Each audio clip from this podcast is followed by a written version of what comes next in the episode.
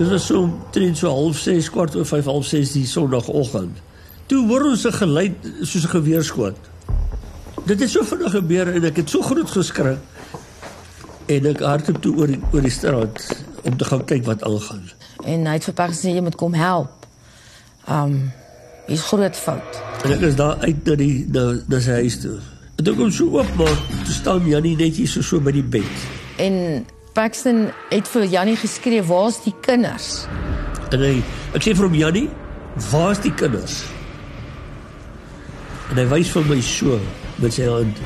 En hy wys vir my hulle skeel af.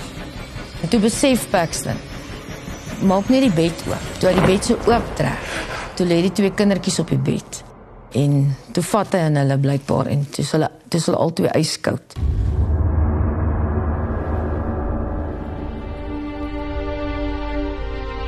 Dis my bloed en dis my vlees wat daar lê. Wat dryf 'n mens? Ek gaan my kinders lewens vat en dan my lewens na dit. Een van ongelooflike hartseer oor wat hy gedoen het. Jannie Bekes het sy gesin met sy eie hande verwoes. Die res van sy lewe staan in die skadu van daardie dag. Hier is huisgenoot redakteur Yvonne Beyers. In die vroeë oggendure op 23 Januarie 2000 ruk 'n knal deur 'n stil woonbuurt in Rustenburg. Hendrik Heineke ruk oorent en hy gaan stel dadelik ondersoek in. En in die slaapkamer van Jannie Bekes wat by hom tuis gegaan het, kom hy af op Jannie met 'n bloeiende gapende wond in sy mond. Hendrik gaan roep dadelik die buurman Paxton eens en sê kom help, kom help. En toe hulle terugkom in die kamer, besef hulle dit was geen gewone huisroof tog nie. Jannie het sy eie lewe probeer neem. En dadelik begin hulle vra, maar waar is die kinders? Waar is Jannie se twee klein kindertjies? Want hulle het die vorige aand by hom oorgeslaap. Hulle soek, soek, soek. En daar tref hulle die kinders aan. Die 9-jarige Marinda en 5-jarige Skalk Benjamin. Hulle kinderlytjies onder die beddegoed in die kamer.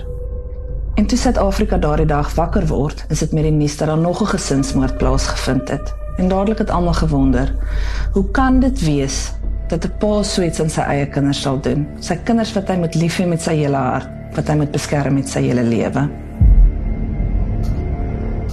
Die tendens van familiemoorde in Suid-Afrika is een van ons land se skrikwekkendste realiteite. Ek is professor Christian Besuidnout en ek bestudeer die donkerste dele van die menslike siege. Kan enige mens so tipe moord pleeg? My antwoord is meeste van ons het daai tipe potensiaal as mense.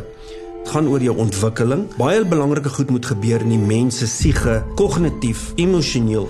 Jy weet ons praat van selfregulerende gedrag. Oor die algemeen leer mense om hulle woede te hanteer in 'n situasie en besef dit is net nie die moeite werd om nou hierso almal te slaan of te skop of te vermoor of te skiet. Sekere mense is gepredisponeer in hulle genetika, die omgewing waarin hulle groot geword het. So as dit so was dat ons almal wou moord pleeg, uh, jy weet daar's verskillende teorieë daaroor. Die psigoanaliste glo dat die mens redelik boos gebore is en oor tyd leer jy en as jy nie uiting kry aan al jou frustrasies, 'n katarsis kry nie, dan gaan jy iets drasties aanvang. Die mens is geneig om aggressie te gebruik veral in Suid-Afrika as 'n middel tot 'n doel. Ons moenie familiemoord en familiegeweld aan sosiale klas of aan ras koppel nie. Almal het die vermoë om 'n lewe te kan neem. As ons na Jannie se geval kyk, is daar vir my 'n komponent van vergelding ingewees waar jy iemand wil laat seer kry. O, ons praat van revenge filicide en dit is wanneer een ouer die kinders doodmaak om die ander ouer te laat ly. En ek dink daar's 'n komponent van dit in hierdie moord. En ek hierdie hele toneel afspeel voor my. Dis ek vir myself is kon Jannie dit ooit doen? Wat het Jannie laat breek om so iets te doen aan sy kinders wat hy so lief was vir? Wat dryf 'n mens tot dit om tot so daad oor te gaan? Hallo, ek is Janie Bekes. Ek is gebore in 1963, die 6 Oktober in Johannesburg. Ja, ek het van graad 1 af, ek het rugby gespeel op laerskool. 1975 toe ek begin as 2, toe gaan ek weer mag toe in Youngsville Kaapstad. Ek het uitgeklaar hy Desember 84. Toe gaan doen ek my ambag as 'n stoompasser by Spoornet in Germiston tot 1994 toe gaan ek Rustenburg myne toe. Ek het Helga ontmoet 1988. Toe stewig ek vir uh, Stewieklap aan Rustenburg. Toe daar boeties saam met my gestewig. Kyk sy was 'n mooi vrou. Toe ek die oomblik was sien was ek verlief op haar. Voor haar toe sou ek met 'n ander vrou, 'n ander girl getrou het. Sy vra sy vir my, "Sal ek weer wil trou?" Sê ek vir ja, maar ek gaan nie 'n vrou weer vra nie, want hulle drop my. Toe sê sy, "As ek jou nou vra, ek sê, "Ag, wel, gaan ek nou seker maar ja sê." En was seker 3 weke daarna toe trou ons. Ek was daai tyd 26, Helga was 19 of 20 jaar oud. Elke huwelik het maar 'n probleem gehad, maar dit was vir my baie lekker verhouding gewees en alles. Helga het vir my gesê ehm uh, die dokters het vir gesê sy kan nie kinders hê nie. 90 die 16de November, toe is Maranda gebore na 4 jaar. Sy was haar pa se kind gewees natuurlik, ook blou oë gehad soos ek en ons was baie lief vir mekaar. Sy was my oogappel gewees. Skolk is gebore 94 en 9de November. Hy was lekker chickie gewees en afnouerig op sy sussie. Hy wou net hy wil hy wil net ry. As hy iewers in ry het nie hy wil sang. Ja. Lief, ook lief vir sy ma gewees en baie lief vir my ook.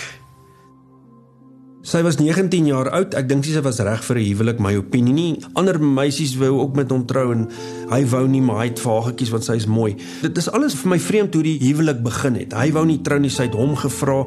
Was hy voorberei op die huwelik en die tipe man wat hy was? Ek dink nie. Ek dink sy was nog heeltemal te jonk. Sy het nie geweet wat se streke en eienskappe en persoonlikheid hy is nie. As ons nou hulle twee se verhouding in konteks moet plaas, dink ek hy was baie meer rigied en baie meer selfgesentreerd, baie meer in beheer van alles as wat sy wou hê. En die feit dat hy haar geklap het in die verhouding, ek dink die feit dat hy gepraat het dat sy nie meer daar wou wees nie. Ja nee, uh, uh, het 'n paar keer wat dinge tussen ons skeef geloop het dan ehm um, wat jy goed aan gaan sê ag we gaan aandag maar vir maar weer. En ek ons is vier keer so uitmekaar uit toe hierdie storie gebeur het was hy 50 keer. Hy het al 5 keer gaan terugvra om jou 5 keer in 'n kort tyd te verlaat. Beteken ek wil nie meer by jou wees nie en hy wou nie daai boodskap aanvaar nie. Want ek het al besondag gehad sy my verneek en ek weet dit het gebeur ek moes al die eerste keer gelos het ek was te sagge aard in die eerste plek by my was al nie 'n ding van skei en sulke goed nie ek glo nie daaraan nie Sy het gedrink, maar ek het nog nooit gedrink nie. Ek het vir haar gesê, luister, ek sê net vir jou, as jy moet werk, moenie dronk kom en my sê jy gaan nie werk nie. Want ek sal jou by jou werk gaan aflaai, dronk of ter not. En dit het eendag gebeur. Want ons was by 'n boeremusiek kompetisie aand gewees buite die Rustenburgpad. Toe sy daar daai aand gewerk het en toe sy nou gedrink Ek wou sê net dat ek sê nee, want jy wat ek vir jou gesê het, toe vat ek al, glad jy gaan werk. sy het my beskuldig van ek nie rond en dit en Ek weet ek het nie. Op die ou en toe het sy nou maar net besluit, dit was 99. En ja, sy gaan nou vir my skei. Toe los hy my vir my ou wat ook op die myn weg. En toe sê hy die kinders by hulle gaan bly. Ek het toe by Hendrik Heineke hulle gaan bly. Jannie se voormalige buurvrou, Suzette Hind, het 'n paar dae voor die moorde vir Jannie raad gegee oor hoe om die situasie met sy kinders te hanteer. Ongelukkig het hy reg in eie hande geneem. Al die huise wat daar is in 'n omgewing is myne huise gewees. Ons het Binstraat 16A gebly. Hendrik en Minnie het reg oorkant ons gebly en net langs hulle het Jannie en Helga op 'n stadium gebly, maar toe hulle nou seker uitmekaar het is toe Jannie by Hendrik en by Minnie ingetrek. Hulle het vir 'n kamer agter in hulle huis gegee waar hy kon bly. Ons het maar nou simpele argumente terwyl die kinders nou is. Nou nie so erg kere gegaan en so nie. Die kere wat sy geloop het was voor die kinders. Dan ehm um, het sy nou vir my gesê nee, hulle gaan nou pad vat. Hulle het gehuil en altyd vir gevra wanneer kom pappa ons of jy al en dit. En daar was sy ook al nou sy by haar maale gaan bly het of wie ook al dan gaan ek en ek gaan kyk ek gaan hom my kinders toe en dit was klaar ek het dit vir reg gesê lees jy gaan my nie van my kinders afhou nie Helga het die kinders by 'n vrou gelos. Ek dink is die Martin se skoonsister en hulle het haar nie geken nie. En ek was nie gelukkig meer dat sy die kinders by iemand gelos wat sy nie ken nie. Die Woensdag voordat ehm uh, die moorde plaasgevind het, was Jannie by my. Toe vra hy vir my, "Wat kan hy doen Want hy wil nie sy kinders moet bly daar waar hulle bly saam met Helga nie.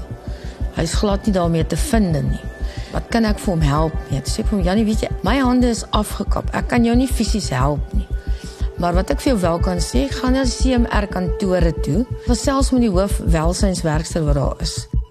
Toe gaan ek CMR toe praat ek oor die besigheid en toe sê hulle vir my, sy kan die kinders los by wie sy wil solank haar net toesig is. En ek was glad nie gelukkig met die storie nie. Ek het baie vinnig in depressie gegaan. Daai oomblik jy los, jy eet nie jy my werk het agteruit gegaan. As jy hulp vra en jy kry nie hulp nie, dan glo ek ge- enige mens radeloos raak. En wat my pla in Jannie se weergawe van die storie is, dit gaan alles oor hom. Daar word niks van haar gesê nie. Net een keer dat sy sy was mooi, verder is sy sleg, verder het sy gedrink, verder het sy nie vir die kinders gekyk nie.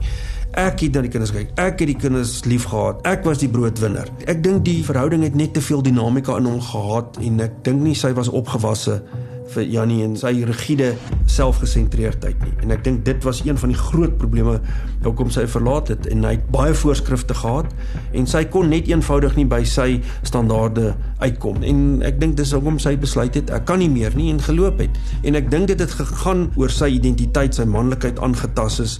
Ding het nie gegaan soos hy dit wou hê nie. Ek dink oor tyd het dit 'n spiraal geraak wat al hoe erger en groter geraak het waaroor hy nie beheer gehad het nie. Ek dink miskien was hy in beheer van sy eie lewe in terme van sport en die tipe beroep wat hy gevolg het. Dit is baie spesifiek. So ek dink dit het vir hom baie beheer gebring. En die feit dat hy haar nie kon beheer nie, dit is absoluut gevaartekens. Hulle gaan al die Saterdagoggend vroeg. Toe gaan ons Rustenburg Kloof toe. Ag, dit was baie lekker geweest daar so saam gespeel, geswem en alles. Toe gaan sit ek al onder 'n boom. Toe hy lekker. Want toe dink ek weer aan Helga. Toe kom die twee by my toe vra hulle vir my pa moet kom hy lê. Toe sê ek oor hulle ma. Jou julle ma gaan my skei. Toe sê my meisiekind vir my, "Pappa, ek moet jou iets vertel. Mamma het gesê as jy skei, mag ons jou nie meer pa noem nie." As hulle my nie meer pa mag noem nie, wat is volgende? Dan mag ek hulle seker nie weer sien nie.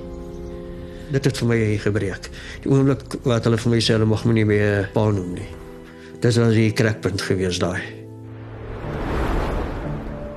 Ek is Kobus van Rooyen. In 1970 het ek die professor geword in strafreg eh, tot ek afgetree het op 55. Toe het ek Bali toe gegaan en uh, na so 4 jaar was hulle gaaf genoeg om my te begin gebruik as 'n waarnemende regter. 3 dae later het ek hierdie saak gekry en dis die eerste keer wat ek toe 'n groot strafsaak het. Dit het uitgekom dat hy 'n baie harde en goeie werker is. Hy was 'n stoeier wat ook pryse gewen het. Hy's met ander woorde nie iemand wat universiteit toe so was, nie maar 'n harde werker. Ongelukkig het hulle 'n moeilikheid in die huwelik gehad. Wie se skuld dit was, maak glad nie saak nie. Hulle het op egskeiding gestaan. Het die aand gaan slaap en 'n klomp pille gedrink. Merkwaardige aantal pille. Miskien al die pille wat hy gehad het. En die volgende oggend het hy woedend opgestaan. Volgens sy eie gety was hy woedend en toe hy ongelukkig hierdie vreeslike misdaad gepleeg om die twee ou kindertjies se nekke te breek. Paxton Hind, Suzette se man, het Saterdagmiddag net 'n paar uur voor die moorde met Jannie gesels. Hy herroep die gesprek en beklemtoon dat Jannie nie buitengewoon opgetree het nie. Jannie was homself gewees. Ons het lank met Jannie gestaan en gesels Saterdagmiddag laat. Hy was net absoluut oorweldig met die kinders wat by hom is en hy het geleef om die kinders by hom te hê. So daar was geen teken, geen iemand sou kon sien dat wat was sy beplanning nie op daai stadium nie. Toe het ek gegaan en van daai cherrybomkrekkers gaan koop met die doel ek gaan my kinders lewens vat en dan my lewens na dit. En hy aand toe kom Hendrik hulle terug. My meisie Maranda en Hendrik se meisiekind. Hulle het altyd hulle alder in een kamer geslaap. Ek het hulle gaan naal daar uit die kamer uit. Ek het hulle ek het hulle ek het hulle gewurg. Dis net al wat ek kon aankon gedink het, jy weet. Eers skalks lewe gevat. Toe Maranda en toe druk ek hy omkrak in my mond en ek lyk hom net. Ek was half wakker, maar daar het verskriklike skoot afgegaan. Toe spring ons op en gaan kyk. Toe sien ons vir Hendrik oor die pad hardloop. Het Paxton uitgegaan vir Paxton jy moet kom help. Um hier's groot fout. Toe staan Jannie hande vier voete hier voor die bed by die deur se ingang. Ek sê vir hom Jannie, waar's die kinders? En hy wys vir my so met sy hand. En ek vra hom vir 'n tweede keer en hy wys weer vir my so en hy wys vir my hulle skeel af. Toe sê hy vir my ja, ek moet gaan kyk vir die kinders. Ek het buite omgegaan na die kar toe. Ek het agter die buitekamer ingegaan gaan kyk vir die kinders, maar ons kon die kinders nêrens kry nie. Toe vra ek vir hom wat is fout met die kinders? Toe sê ek ek kry nie die kinders nie. Want Jannie kan nie vir my sê waar is die kinders nie. Al wat hy vir my kan wys is so en so. En toe loop ek so om die bed en ek maak die lakens in die komberse oop. Toe lê klein Marina daar so. En skalk. Toe Marina so op haar linker sy gelê. Klein skalk het so met sy hande so gelê met sy voetjies so gekruis. Toe ek na die kinders kyk, toe sien ek op skalk se gesig hierdie sterretjies so op. Toe weet ek hier's iets. Toe sal Marina se arm vat toe toe flop hy so. Toe sê hy ijskoud. Jannie het nie gesnap nie. Ehm um, ek dink hy het genoeg tyd gehad. Hy was oor 'n lang tydperk. Dis 'n klomp veranderlikes wat ons moet na gaan kyk oor hoekom hy dit gedoen het. Die hof gaan sê dit was nie impulsief nie. Totale ekspressiewe onmiddellike ek het gebreek daar en dan en dit gedoen is baie raar in terme van die familiemoorde wat meestal beplan word en hoe hulle dit gaan doen en wat hulle gaan doen. kon iets nie deur die nag gebeur het om my te keer nie, jy weet.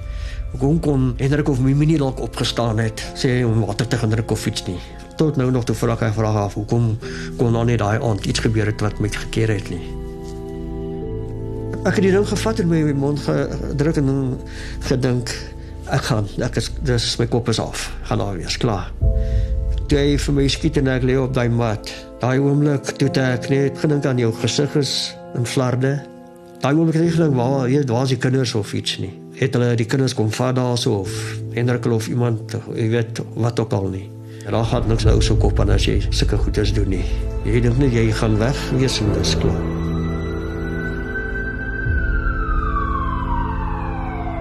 Die polisie goed het daar aangekom. Hulle het die hekke en goeders toegemaak. So basies mag daar niemand verder ingegaan het nie behalwe toe hulle die ambulans nou inkom. Het hulle Jannie op die uiteinde in die ambulans gesit. Toe het ek met hom gepraat en hom gevra, "Waar's Helga?" Toe kon hy nie vir my sê waar's Helga nie en toe het hy vir my so op 'n papiertjie geskryf die adres. Toe het hulle haar op die uiteinde soontoe gebring, maar sy was glad nie toegelaat om in die erf in te gaan nie. Toe het ek haar genooi en gesê, "Kom ons gaan na my huis toe."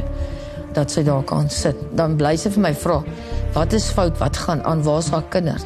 Dit sê ek net vir jou kinders is op 'n baie beter plek as wat jy ons is vandag. Ek sê, "Maar ek weet nie waar die kinders nie." En toe sy ook, ja, sy het my stoel gegryp en sy hardloop by die agterdeur so uit. En toe kry sy ook 'n asma aanval want sy het blykbaar aan asma gelyk. Toe moes ons vir die ambulans vir haar ook bel om haar te kom haal op die uiteinde van die dag. Ek was stom. Ek kon nie glo dat Jannie ooit so iets sou gedoen het nie. As jy vir die vrou kwaad, as jy vir Helga kwaad is vir wat sy gaan doen. Hoekom gaan maak jy haar nie dood nie? As jy so lief was vir jou kinders, hoekom hierdie ongelooflike geweld teenoor jou kinders en dan so lafhartige poging om 'n bomklapper in jou mond te sit? Sy weergawe van die storie is nie presies wat ek dink deur sy kop gegaan het nie. Sy weergawe is die storie wat hy geregverdig het in sy kop en dit klink die beste. Om die bomklapper in jou eie mond te sit, ek dink daar's ook 'n boodskap, dis hoekom dit die weerwraak beginsel ingebou het in hierdie tipe kindermoord. Weerwraakmoord is om die ander slagoffer te straf. Daar's baie geweld gebruik om twee kinders se nek te breek van daai ouderdom. Moet daar baie geweld te sprake wees om hulle nekke te breek. Jy kan hulle mos net versmoor het. So ek dink die aard van die geweld wat gebruik is, die feit dat hy 'n bomklapper in sy mond gesit het om sy eie kop weg te skiet, ek dink dis alles deel van die vergelding om haar te laat, sien en te sê kyk wat het jy aan my gedoen, nou gaan jy ly. Ek was in ICU gewees die hele tyd. Toe kom die speurders se goed is daar so ondervra my nou en alles, maar ek moes toe skryf ek alles wat ek kon plat nie praat nie. Dan eers ging my tong is afgeskiet. Want die, die kinders begrawe gewees en alles daai week wat ek al was, toe die skokke toe nog nie regtig nog by my gekom oor die kinders nie. En daarna kyk toe sit junk al die pad tot nou nog toe. Daai oomblik wat jy dit doen, dink jy nie jy dink nie aan wie los jy agter nie. Jy dink jy wie maak jy seer nie? Jy dink jy dink aan niks. Niks gaan in jou kop aan om te dink die Here het die kinders vir jou gegee, nou vat jy hulle weg. Die Here het jou gemaak, nou vat jy jouself van hom af weg. Jy weet, mens dink daaraan nie.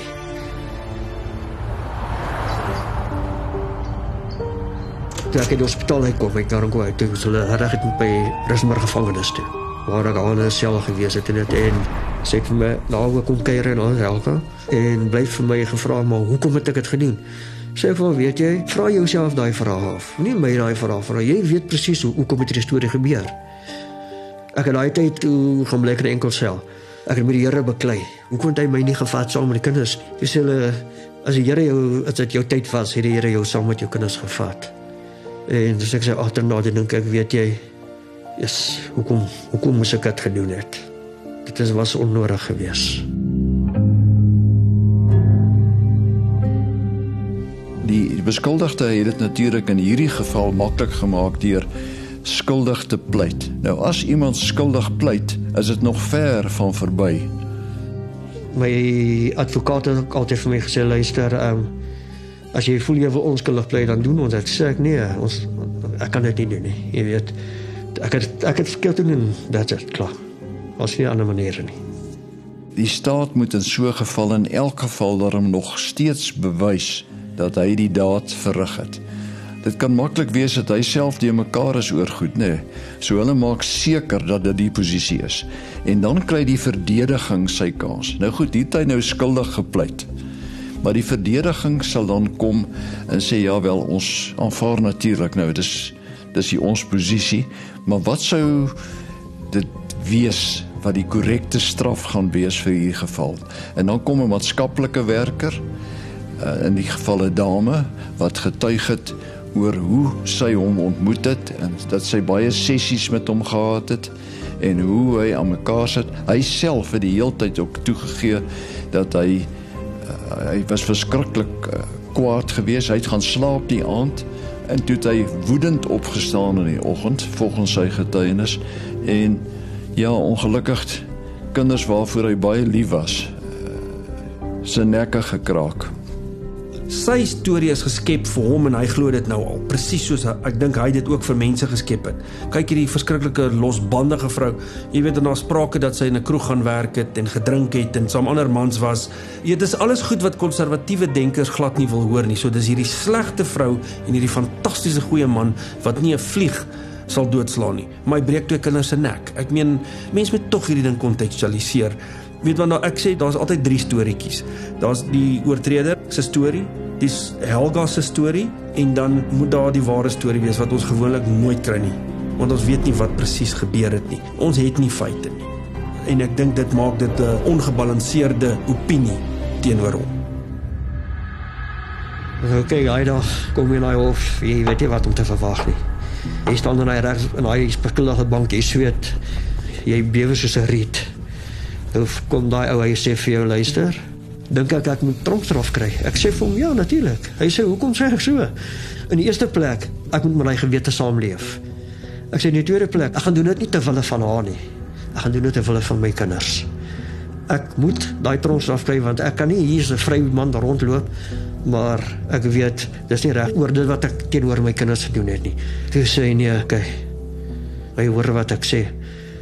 Toe kom hy met 'n 40 jaar vonnis. Hy sê hy gee jou 20 jaar per kind. Ek sê dit sommer lopend. Ek vat 5 jaar skort ek op. Gee jou 15 jaar. Hy sê vir my, "Hoe voel jy oor dit?" Ek sê, "Is reg. Laat ek my my straf gaan begin dan klaar kry." Ek sou sê dat hy eerder vir my 'n teken getoon het van dankbaarheid. Hy het geweet dat vir hierdie dade hy nie die tronk gaan vryspring nie. En hy kon maklik 'n lewenslank gekry het as dit nie was vir die spesiale houding wat hy self ingeneem het nie en die omstandighede waaronder dit gebeur het nie. Ten spyte van die verskriklikheid van wat gebeur het moet billikheid eintlik seëvier en 'n lewenslank is tegnies lewenslank die publiek sal nie maklik hiermee saamstem dink ek nie publiek glo nogal in gevangenisstraf. Dis die taak van die regter om te keer dat die woede van die publiek altyd vergesteld word in sy beslissings. Sy benadering self was in die hof dat hy ongelooflik jammer is dat dit gebeur het, dat hy hartseer is, hartverskeur is en baie lief was vir die kinders. En die getuienis was deurlopend een van ongelooflike hartseer oor wat hy gedoen het. Ek glo nie dis vir enige ma 'n maklike ding in die lewe om te sien. Daar gaan albei jou kinders gelyktydig en is weg uit jou lewe uit nie. Ek kan nie glo dit kan lekker vir enige ma in die lewe wees nie. Om 'n kind te verloor is 'n vreeslike ding. Hulle het vir gevra op 'n tyd wat verwag sy wat se straf moet ek kry. Toe sê sy nee, sy gaan nie wat se straf kry, dit gaan nie die kinders terugbring nie. Ek dink in die kriminologie is daar twee konsepte wat miskien Helga se gedrag vir 'n mens kan kontekstualiseer. Jy weet aan aan die een kant kry mense die sogenaamde battered wife syndroom, met ander woorde die geslaande vrou syndroom. Sy is so mishandelde vrou dat sy gaan optree. Jy weet, sy slaan terug, sy steek met 'n mes. Mense kry ook 'n geval van aangeleerde hulpeloosheid waar sy net opgee. En ek dink sy was meer aan daai absolute hulpeloosheid kant. Jy weet hy het haar gaan terughaal, sy wou nie terug nie. Sy was moed verlore, haar kinders is dood en dit was vir haar tipe finaliteit toe hy die kinders om die lewe bring. Ek dink dit het vir haar tipe finaliteit in haar sirkel toegemaak. Ek dink haar siege was gebreek. Die mooi Afrikaans moed verlore vlakte, want daar's die armoede. Ek het my kinders verloor. Ek het my hele lewe verloor. Maar ek het 'n kans om weer te begin. En ek dink dit sê baie van haar en ek dink dit is wat misgekyk is in die hof dat sy nie verswaarend wou getuig nie. Dit sê baie van haar. Die beeld wat Jannie van haar voorgeskryf het, dit word net daar omgedraai. Die feit dat sy nie 'n vergelding wou hê nie en sê Jannie, jy het gedoen wat jy gedoen het. Jy weet my hart is gebreek, my kinders is dood, maar ek is ontslaaf van jou. Ek dink dit sê baie in terme van ek wil nie vergelding hê nie, ek wil 'n nuwe lewe begin. Ek het nie my met nonsens in die tronk opgehou nie. Ek het my kursusse gedoen anger management kursus. Jy doen baie kursusse in die tronk wat vir jou tel vir jou parol. As jy daai kursus nie gedoen het nie, jammer om te hoor, gaan jy op parol hê. Ek het rugby klub gestig in die tronk. Ons het lekker rugby gespeel. Ons het 'n cricket klub gestig in die tronk. By maximum het ek op die tuinspan gaan werk. Maar kort sê vir toe ek op parol uitgekom het, het ek niks gehad nie. My klere wat geberg was by mense was gesteel gewees. Ek het nie 'n kar gehad en alsoos ek goed nie. Ek het maar net in die tronk besluit luister. Daai dat ek met die Here moes daai tyd beklei het is, is verby, klaar. Praat met hom en hy gaan my help. Ek het 'n lekker lewe. Om veral omdat ek alleenig is, ek ek doen wat ek wil, ek gaan waar ek wil. Wat my hart baie breek is, as ek klomp klein kindertjies hier so is, dan speel hulle met hierdie mal hond van my. Dan sien jy jou meisiekind of jou seun. Dit breek vir my. Sal ek nooit vergeet nie. Ag nee, ek geniet my lewe terwyl ek kan. Ek meen, elke Sondag is ek in die kerk. En dit is die beste ding om te doen om daar by die kerk uit te kom en alles verander. Jy voel so opgewek en as jy hartseer is van kerk toe trek klaar. Ek bid daaroor en vra hom net genade, al. In die ontwrigting van Jannie Bekus se verlede, ekho die pyn van 'n gesin wat nooit weer heel sal wees nie. Ek is Ruda Landman en dit was huisgenoot se ware lewensdrama.